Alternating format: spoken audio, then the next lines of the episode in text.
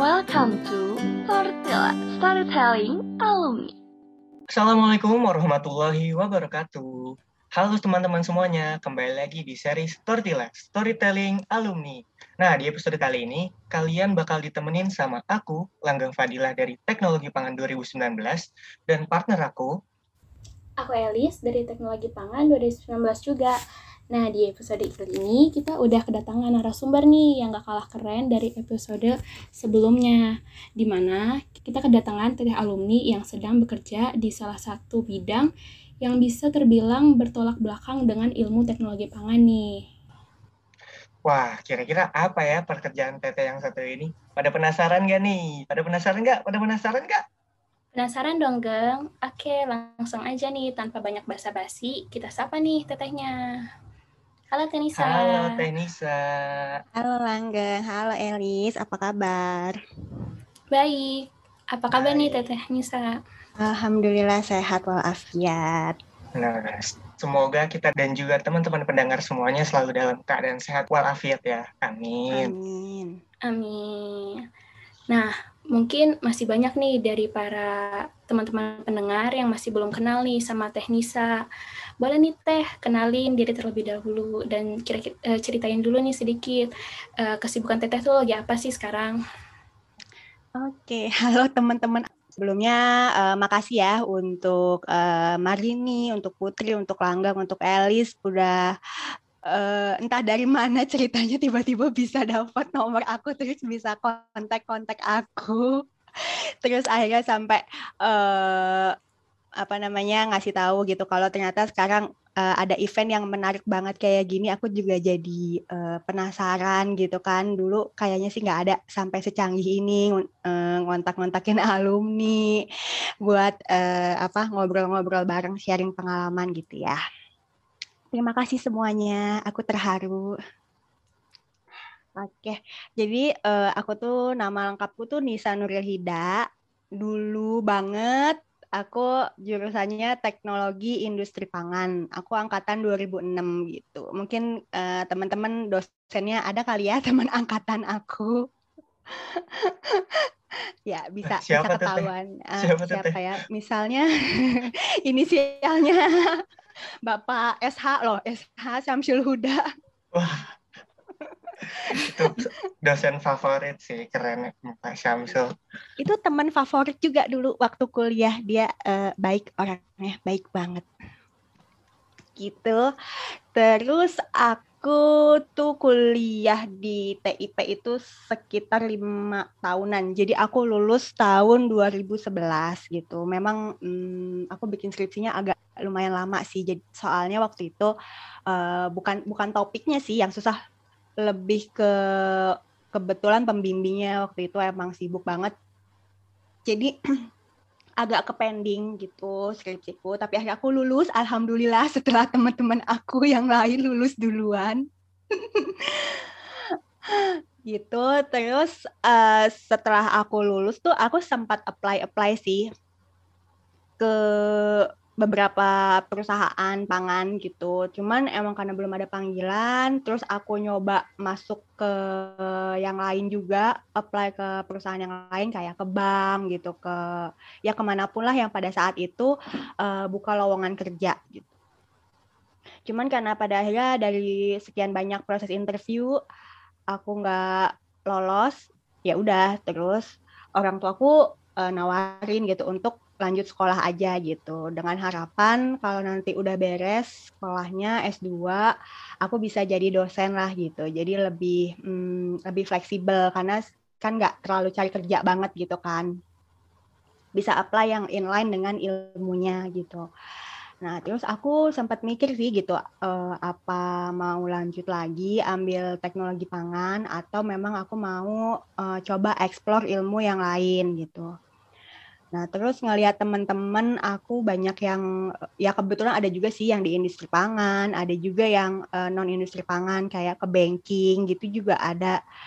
Terus eh, aku jadi mikir kayak eh, kayaknya aku pengen explore yang lain deh gitu. Kayaknya nggak nggak belajar tentang eh, ilmu pangan lagi gitu. Akhirnya aku mutusin untuk ikut eh, tes eh, pendaftaran S2 di uh, eh, SBM. Jadi aku ambil Magister Business uh, Administration di ITB gitu. Tahun berapa ya itu ya? 2013 lah gitu. Mungkin kalian waktu itu masih SD ya kayaknya. Apa udah SMP? Kayak gitu. Habis aku ya udah aku kuliah, akhirnya aku lolos tesnya, aku lanjutin kuliahnya. Itu kan ilmunya berbeda banget ya dengan uh, ilmu pangan gitu kan. Kalau ilmu pangan itu kayak kita belajar sesuatu yang eksak gitu ya, pasti gitu. Semua tuh ada teorinya, ada ada konsepnya gitu. Terus gimana kita uh, nyelesain uh, misalkannya ada masalah atau apa tuh uh, teori-teorinya tuh lebih clear gitu dan uh, runut gitu sistematis gitu. Nah sementara di manajemen kan kayak uh, lebih banyak lebih lebih general lebih fleksibel. Dia nggak nggak sebaku ini ya nggak sebaku ilmu teknik kan kalau manajemen gitu. Sempat uh, ada agak-agak bingung sih gitu karena beda beda beda cara berpikir aja gitu. Walaupun sebenarnya sebenarnya setiap ilmu ya sama aja gitu.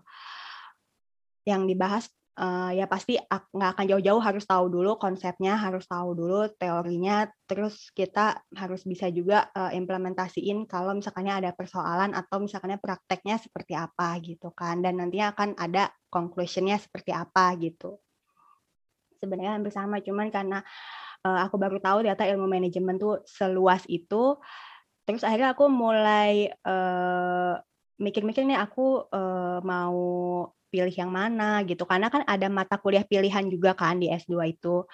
Uh, aku pilih aku cobain finance aku cobain uh, supply chain management aku cobain uh, marketing juga aku cobain HR juga gitu. Jadi setiap mata kuliah itu tuh uh, aku benar-benar uh, pikirin gitu kira-kira aku mau nggak ya gitu uh, mendalami ilmu-ilmu yang itu tadi gitu. Sampai akhirnya aku pilih uh, kayaknya aku senangnya HR deh karena emang udah dari dulu dari dulu banget cita-citaku tuh sebelum sebelum kuliah di teknologi pangan tuh pilihan pertamaku tuh psikologi gitu. Karena pilihan pertama aku nggak nggak diterima ya akhirnya aku masuklah di teknologi pangan yang menampung aku waktu itu. Aku anaknya pasrahan sih emang asal ada yang nampung ya udahlah gitu jalanin aja. Gitu akhirnya ya udah aku milih HR sebagai mata kuliah pilihan aku. Terus juga sampai akhirnya ke tesis juga aku uh, topiknya tentang uh, penilaian kinerja karyawan pada saat itu. Jadi masih relate dengan HR ya akhirnya sampai lulus. Jadi sebelum lulus aku udah kerja di uh, tempat aku yang lama. Kebetulan di Geek Hunter ini aku baru join sih baru mau satu bulan. Jadi emang masih baru banget gitu. Nah, yang yang di tempat yang sebelumnya itu uh, bisnisnya itu dia HR consulting gitu. Dia di, ditawarin sih sama temenku gitu mau join nggak gitu di HR consulting ini gitu. Ya karena kebetulan aku juga emang udah punya ketertarikan dengan dunia HR, ya akhirnya aku terima tuh tawarannya gitu. Jadilah aku uh, pengalaman kerja pertama aku itu uh, eh, HR gitu. Waktu itu masih sebagai junior consultant gitu kan ya sampai uh, aku di tempat yang lama itu sekitar enam tahunan lebih lah hampir tujuh tahun juga gitu di sana gitu. Seperti itu sih perjalanannya. Jangan ya aku ngejelasin diri aku. Nggak apa-apa banget. Uh, berarti sekarang itu Teteh berada di PT uh, eh, Geek Hunter itu ya? Sebagai apa ya. Teh nah kalau yang sekarang akan uh, aku sebagai HRBP gitu. Hmm. sebenarnya sih uh, pekerjaannya ya mungkin sama sih kayak uh, HR HR di tempat yang lain gitu kan. Dia lebih ke uh, internal recruitment. Terus juga ada uh, kayak apa ya kayak manage uh, employee satisfaction. Jadi uh, kira bakalan apa ya bakalan banyak interaksi sama karyawan gitu kan untuk mastiin kira-kira uh, karyawan tuh uh, betah nggak sih kerja di uh, perusahaan ini gitu? Atau ada keluh kesah apa atau ada masukan-masukan apa? Nah itu menjadi salah satu uh, job desk aku gitu di samping itu juga ya uh, ya ada hal-hal yang lain sih kayak misalkannya uh, nyusun kompetensi gitu kan kompetensi untuk karyawan. Itu kan uh, nantinya juga jadi salah satu uh, kriteria yang akan dinilai pada saat uh, manajemen ingin menilai kinerja karyawannya gitu sih. Jadi lebih banyak uh, ya sebenarnya lebih banyak mengurusi pengelolaan karyawan dan organisasinya gitu sih lebih ke sana kalau yang di tempat yang sekarang. Oh gitu tadi juga dimention soal uh, mirip sama HR pada umumnya berarti HR BP sama HR pada umumnya itu kerjanya relatif sama gitu ya teh? Iya, yang uh, umumnya sih HR itu kan biasanya ya mungkin orang kalau misalkannya denger HR tuh pasti oh uh, ngerekrut ya gitu. Atau misalkannya oh uh, nyari-nyari karyawan ya pasti gitu kan yang ada di uh, mindsetnya orang gitu kan. Karena memang uh, mostly itu yang pasti dikerjain gitu oleh kebanyakan HR gitu. Tapi sebetulnya nggak hanya itu aja sih gitu. Masih banyak hal-hal lain kayak uh, misalnya nih ada istilahnya job analysis. Job analysis itu uh, tujuannya tuh nantinya tuh untuk menyusun job desk gitu. Jadi kalau karyawan masuk ke suatu perusahaan tuh dia jadi tahu oh kerjaan gue itu A B C D gitu. Oh uh, gue itu nanti bakalan uh, nge-report atau uh, atasannya dia tuh siapa gitu.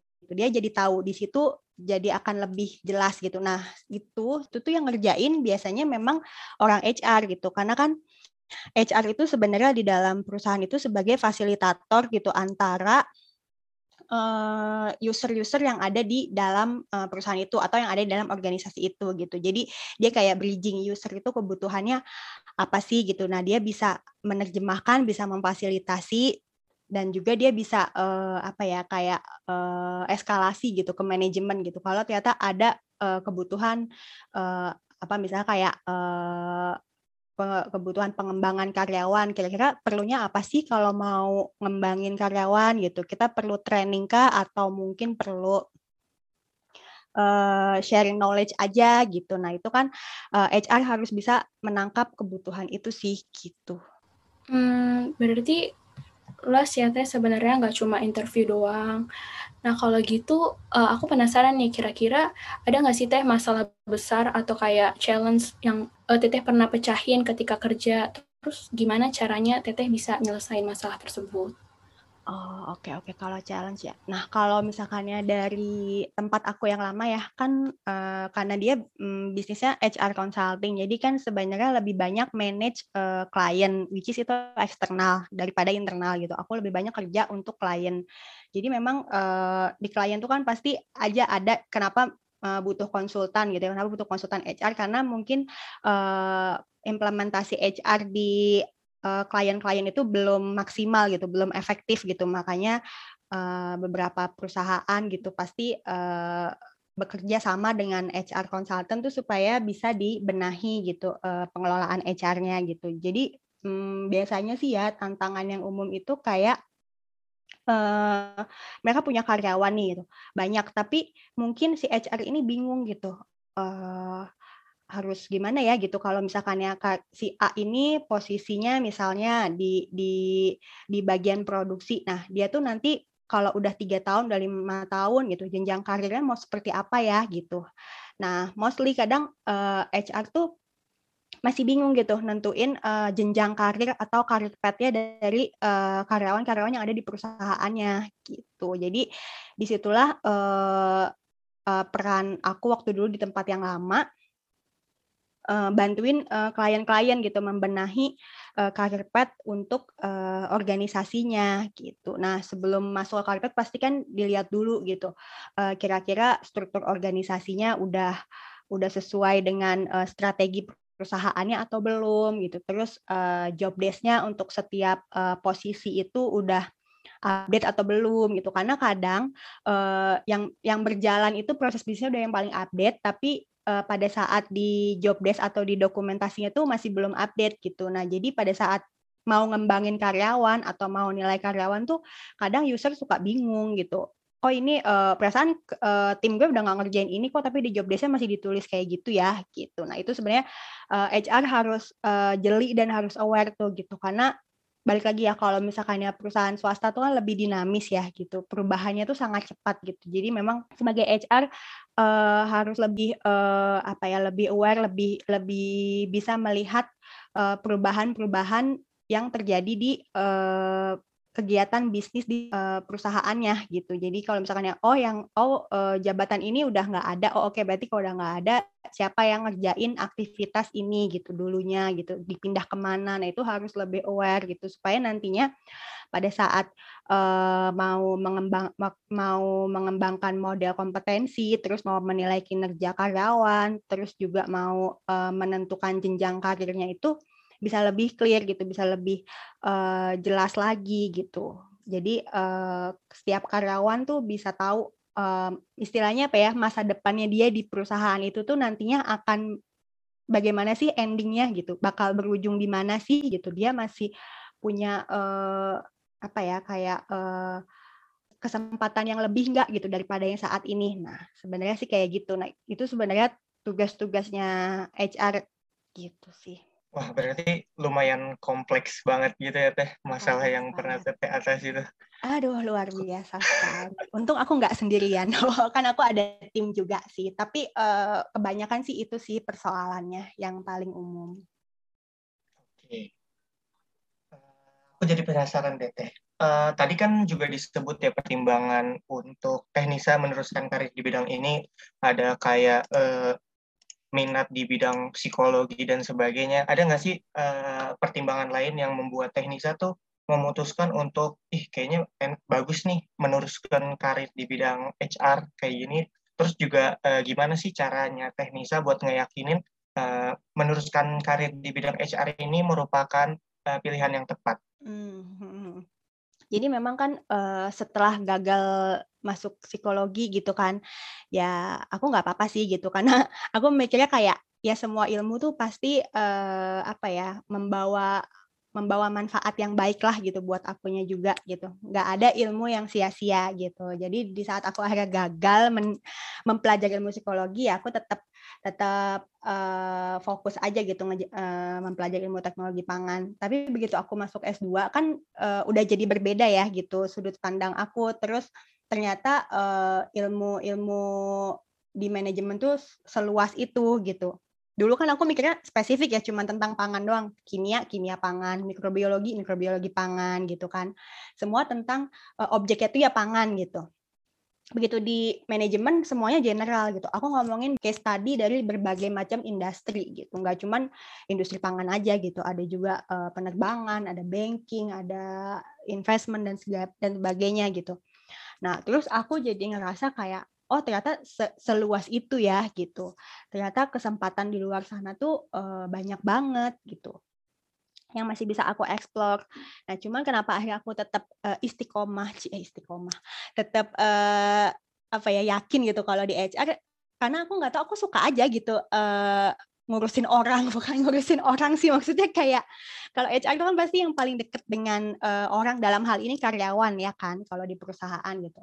Nah dulu tuh berangkatnya karena aku tuh suka aja gitu kalau ngobrol sama orang, dengerin cerita orang gitu. Aku suka kayak uh, aku tuh jadi belajar gitu dari pengalaman orang-orang uh, atau dari teman-teman yang cerita sama aku gitu. Jadi kayak oh ternyata ada ya kejadian yang kayak gitu gitu.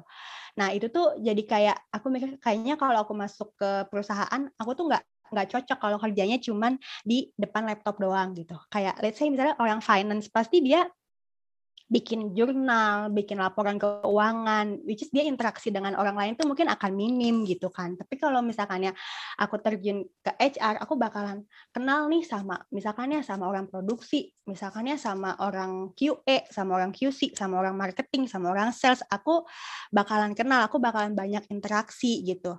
Dan itu yang yang yang aku pengen gitu. Jadi eh, makanya itu yang jadi aku bikin yakin waktu S2 milih mata kuliah elektif itu ya aku milihnya HR dengan harapannya tuh ya supaya nanti kerjanya tuh bisa uh, di bidang HR juga gitu. Uh, terlepas dari perusahaannya apa pun lah gitu. Intinya aku ada di HR gitu sih.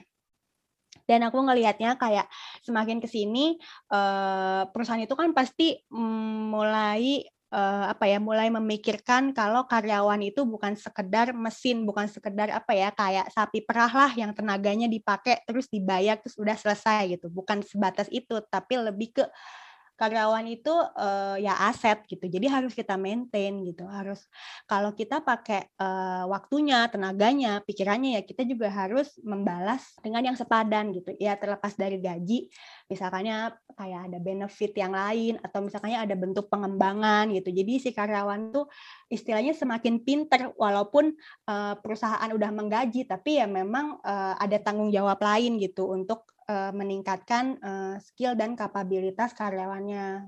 Gitu sih gitu. Jadi aku ngerasa kayak uh, ngerasa lebih bisa memanusiakan orang lain aja gitu. Jadi kayak bikin orang ikutan pinter ikutan maju ikutan berkembang gitu sih.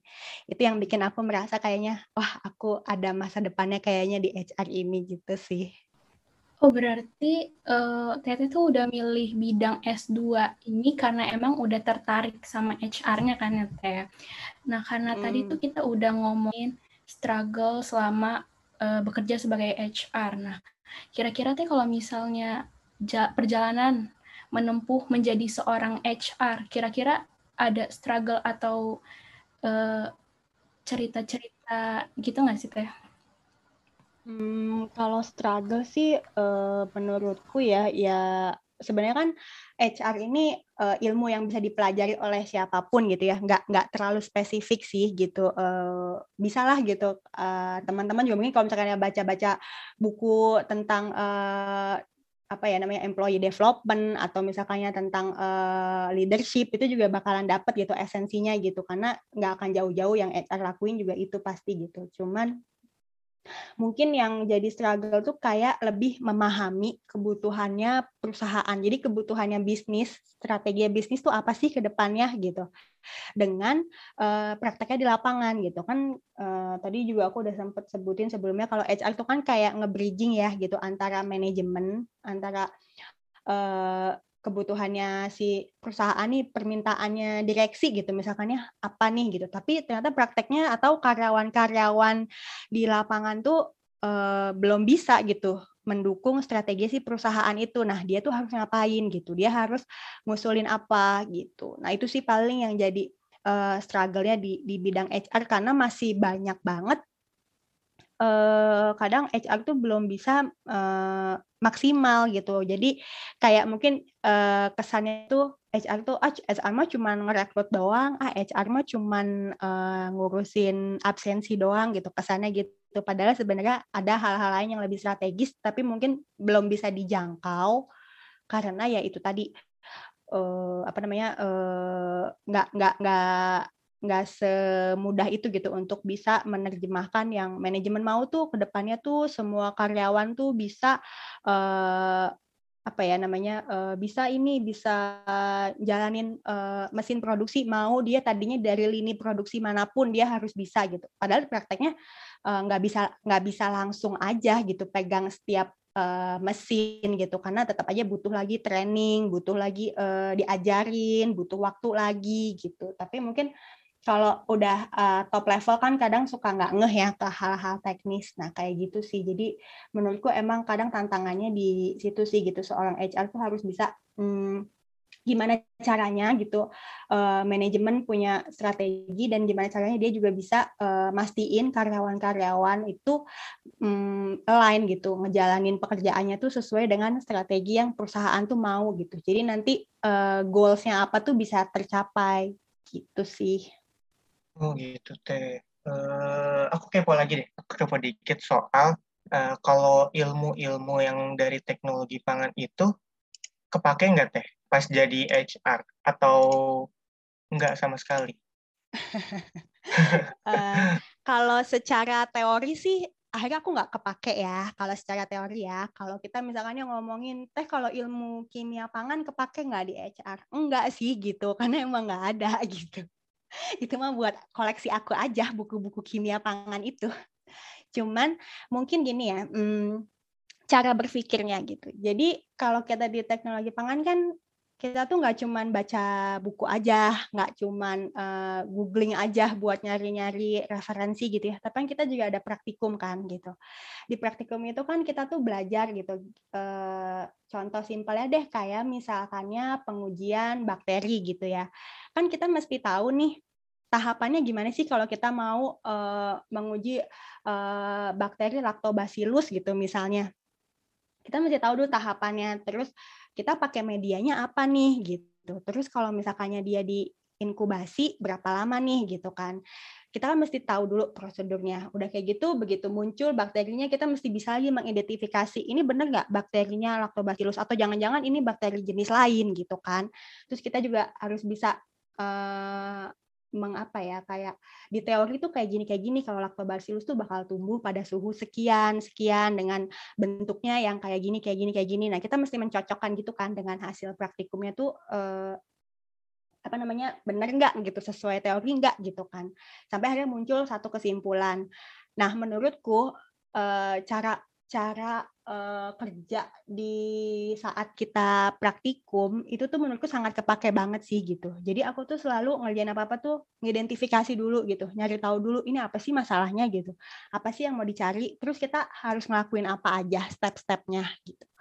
Supaya masalahnya tuh nanti uh, terpecahkan gitu, jadi ketemu jawabannya gitu. Jadi nanti kita tuh bisa ngomong kesimpulannya tuh begini karena di teori itu begini tapi prakteknya begini mungkin penyebabnya ini ini ini kayak gitu sih gitu. Itu yang yang yang bikin aku ngerasa bersyukur aku tuh HR tapi punya background uh, ilmu pangan gitu. Jadi bisa lebih sistematis aja cara berpikirnya gitu sih. Berarti uh, masih kepake uh, alur pekerjaannya kayak gitu ya. Nah tadi ya. kan udah bahas struggle yang pernah Teh Nisa alami nih. Sekarang aku mau nanya soal bagian sukanya nih. Nah, jadi apa sih pengalaman yang paling berkesan atau hal-hal yang Teteh sukai selama bekerja sebagai HR? hal-hal yang paling suka yaitu sih yang pertama aku ketemu banyak orang. Kalau yang di tempat yang lama kan hanya ketemu banyak klien kan, klien dari berbagai industri, which is jadinya tuh kayak uh, ya kalau misalkan manufaktur pasti HR-nya lebih uh, operasional gitu. Tapi kalau misalkannya uh, HR-nya retail dia bakalan lebih luas gitu. Dia bakalan lebih uh, ya mungkin lebih up to date lah gitu. Karena kan kalau retail pasti selalu ngikutin tren gitu yang dijualnya. Terus kalau misalkannya uh, HR-nya dari perusahaan uh, IT misalnya backgroundnya biasanya dia bakalan lebih banyak yang ngomonginnya tuh kalau HR kalau dibikinin aplikasi kalau dibikinin sistem tuh kayak gimana ya gitu. Kayak gimana konsepnya gitu. Apa aja yang mesti ada di dalam uh, aplikasinya itu. Kayak gitu sih. Jadi uh, justru dengan ketemu berbagai uh, macam klien dari berbagai industri tuh jadi malah nambah uh, ilmu aku juga, nambah pengalaman aku juga gitu. Aku jadi tahu oh kalau di Manuf tuh kayak gitu ya gitu. Ternyata uh, prosesnya gitu uh, banyak, besar, lebih kompleks gitu kan terus juga orang yang di manage juga lebih banyak tapi kalau misalnya perusahaan IT uh, eh, orang-orangnya ya walaupun banyak tapi karena mereka udah uh, di dalam mindsetnya mereka itu ya semua harusnya bisa di systemize gitu bisa di di computerize bisa dibikinin aplikasi jadi harusnya nggak ada sih yang sulit kayak gitu jadi jadi semakin uh, tertantang gitu buat oh iya ternyata bisa ya digituin gitu. Oh ternyata bisa ya HR tuh dimasukin ke dalam sistem. Oh ternyata bisa ya menilai kinerja karyawan melalui sistem doang gitu. Nggak perlu satu persatu ketemu dengan atasannya kayak gitu sih. Menariknya sih di situ. Wah ternyata seru banget ya HR itu. Nah teh mungkin aja uh, pasti banyak nih dari teman-teman pendengar yang mulai-mulai tertarik nih sama HR. Cuma kita tuh teknologi pangan gitu, di mana kita tuh nggak istilahnya nggak searah gitu sama HR. Nah, kalau dari sudut pandang Teteh sebagai HR nih, kira-kira nilai-nilai apa aja sih Teh yang membuat seseorang tuh bisa bekerja dalam suatu pekerjaan walaupun uh, pekerjaan tersebut tuh bertolak belakang sama riwayat pendidikannya? Hmm, kalau menurutku ya kalau nilai-nilai mungkin hmm, sebenarnya gini ya kalau misalkannya uh, suatu saat gitu ya teman-teman tuh kerjanya nggak sesuai dengan uh, apa sih ilmu yang udah dipelajari gitu. Jadi mungkin pas kuliah ekspektasinya ah pengen kerja di perusahaan pangan gitu kan. Ternyata begitu lulus uh, nggak uh, apa namanya nggak rezekinya atau nggak jodohnya gitu uh, keterima di uh, industri pangan keterimanya di yang lain gitu menurutku sih ya nggak apa-apa gitu nggak ada masalah gitu yang terpenting mah kalau kita kerja tuh uh, kita tuh harus punya semangat untuk terus belajar gitu apalagi kalau ternyata pekerjaan kita nggak nggak inline gitu dengan apa yang kita pelajari gitu ya. Jadi tetap harus punya semangat untuk belajar gitu kan. Ha, uh, dan juga harus ya ini sih apa namanya uh, disiplin gitu. Jangan karena ah udahlah ini bukan uh, passion gue bukan yang gue mau. Gue mah uh, biasa-biasa aja lah gitu. Jangan jangan punya pemikiran kayak gitu gitu. Karena walaupun itu nggak uh, nggak nggak align dengan ilmu yang udah teman-teman pelajarin tapi itu bakalan uh, apa ya ngasih pengalaman gitu. Bakalan bakalan uh, bikin teman-teman tuh jadi tahu oh prakteknya di dunia kerja tuh kayak gini ya. Mungkin waktu kita kuliah uh, apa sih namanya uh, kita tuh belajar kita bikin ini bikin itu bikin event atau misalkannya bikin acara bikin kegiatan uh, workshop atau seminar gitu pasti pengennya yang ideal kan gitu. Pasti di diusahanya tuh yang sesempurna mungkin gitu. Karena memang ya pada saat kuliah ya semuanya memungkinkan aja kan lagi belajar gitu lagi proses belajar gitu. Tapi nanti begitu di dunia kerja kan itu udah masuk ke uh, praktek gitu ya. Gimana sih cara mengimplementasikan yang udah kita punya selama kuliah gitu. Dan nggak dan nggak selalu apa yang kita pengen kayak gini harus kejadian kayak gini. Nggak gitu. Di dunia kerja tuh ada ada banyak orang yang mesti kita uh, berinteraksi gitu ya. Ada atasan ada temen ada mungkin bawahan juga gitu. Ada ada prosedur ada peraturan ada juga uh, strateginya perusahaan maunya gimana. Jadi di saat kayaknya nggak bisa deh kayak gini. Ya tapi perusahaan atau bisnis ngelihatnya ya saat ini yang paling memungkinkan ya menjalankan hal A gitu. Teman-teman maunya nggak B dulu nggak bisa gitu kayak gitu. Jadi menurutku sih harus punya semangat belajar, harus disiplin dan juga punya komitmen yang tinggi sih gitu. Jangan jangan menyerah gitu ya. Kalau misalnya emang masih penasaran sama pengen pengen nyobain industri pangan ya udah coba aja terus gitu. Siapa tahu nanti setelah berpengalaman di tempat yang lain terus apply lagi ke in, ke perusahaan pangan yang teman-teman mau eh ternyata bisa masuk gitu karena teman-teman udah bawa pengalaman kerja dari tempat sebelumnya gitu dan ternyata bermanfaat gitu sih.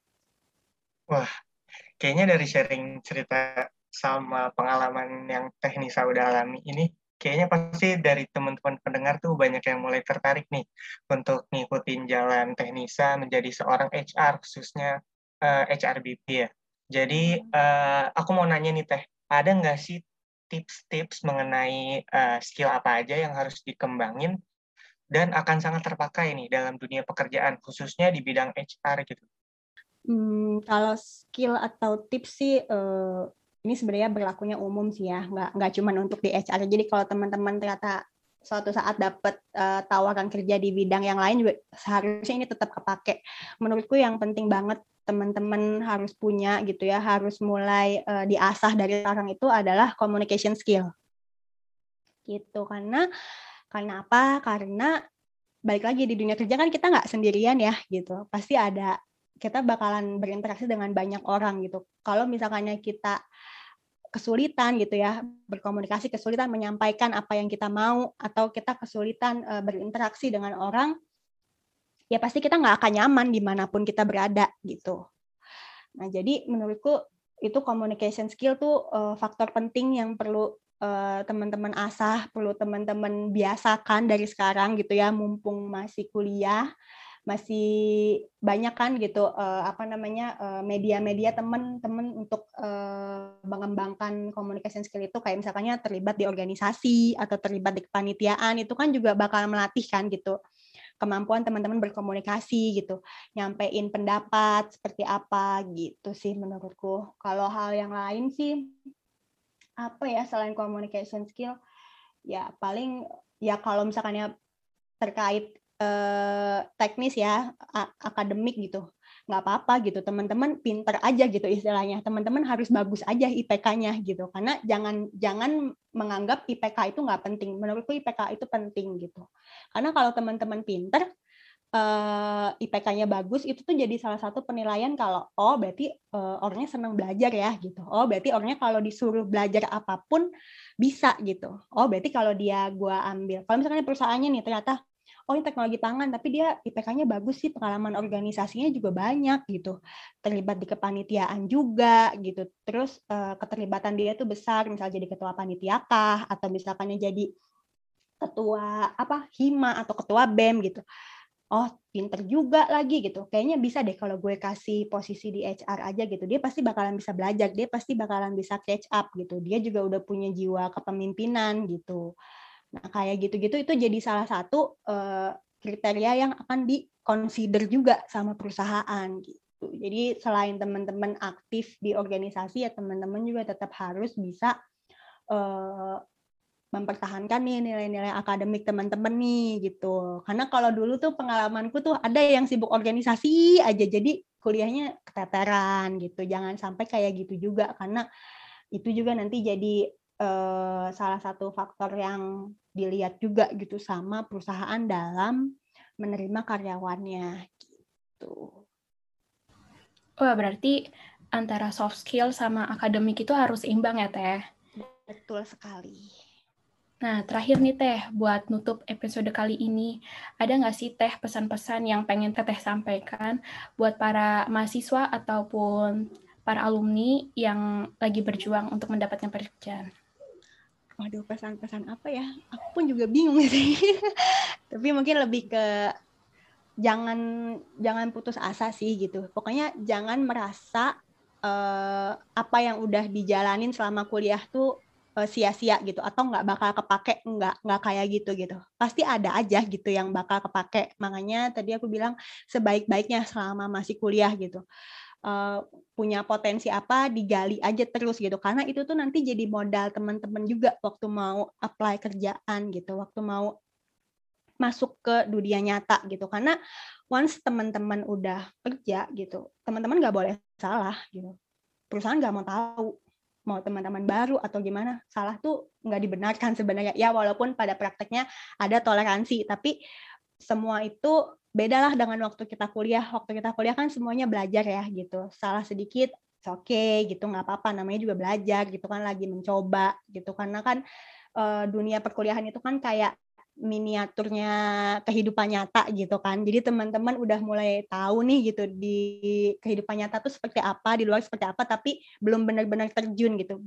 Masih masih coba-coba mencari gitu di di kuliah tuh kira-kira uh, masalahnya apa, cara nyelesainya apa gitu. Terus hmm, harusnya gimana kayak gitu, masih yang kayak gitu, masih yang coba-coba gitu. Tapi di dunia kerja hal-hal coba-coba gitu udah nggak berlaku lagi gitu jadi uh, pesanku sih pokoknya uh, ya pokoknya tetap semangat aja belajar diberes di se, diberesin lah gitu uh, kuliahnya terus aktif juga di organisasi gitu. Terus juga kalau punya passion yang lain yang emang nggak ada hubungannya sama sekali dengan perkuliahan nggak apa-apa gitu. Ditekunin aja gitu. Siapa tahu itu nanti jadi salah satu uh, apa ya namanya salah satu senjata teman-teman untuk masuk ke dunia kerja gitu sih gitu. Jadi jangan merasa sia-sia nggak ada ilmu yang uh, jelek lah gitu. Semua ilmu tuh positif selama teman-teman bisa uh, memanfaatkannya bisa mengamalkannya dengan baik dan benar gitu. Oke, keren banget, keren banget. Emang teknis saya ini. Oke deh, kalau gitu uh, sebelum ditutup, aku dan Elis juga teman-teman dari hubungan eksternal Himatipan ingin mengucapkan banyak terima kasih nih kepada Teknisa karena udah menyempatkan waktunya untuk berbagi cerita dan pengalamannya terkait pekerjaan Teknisa sebagai seorang HR. Terima kasih sekali lagi buat Teknisa dan semoga uh, dengan adanya sharing pada episode kali ini, teman-teman semua uh, bisa makin bertambah lagi nih wawasannya terkait bidang-bidang pekerjaan yang walaupun tidak berkaitan nih dengan ilmu teknologi pangan, tapi mungkin bisa jadi kesempatan dan peluang juga nih buat kita ke depannya. Betul banget sih, Lis. Nah, Mungkin dengan ini kita tutup nih list Tortilla pada episode kali ini. Aku Langgeng. Dan aku Elis. Sampai jumpa di episode Tortilla selanjutnya. Dan jangan lupa untuk tetap jalani protokol kesehatannya ya Kang Teh. Dadah. Bye-bye.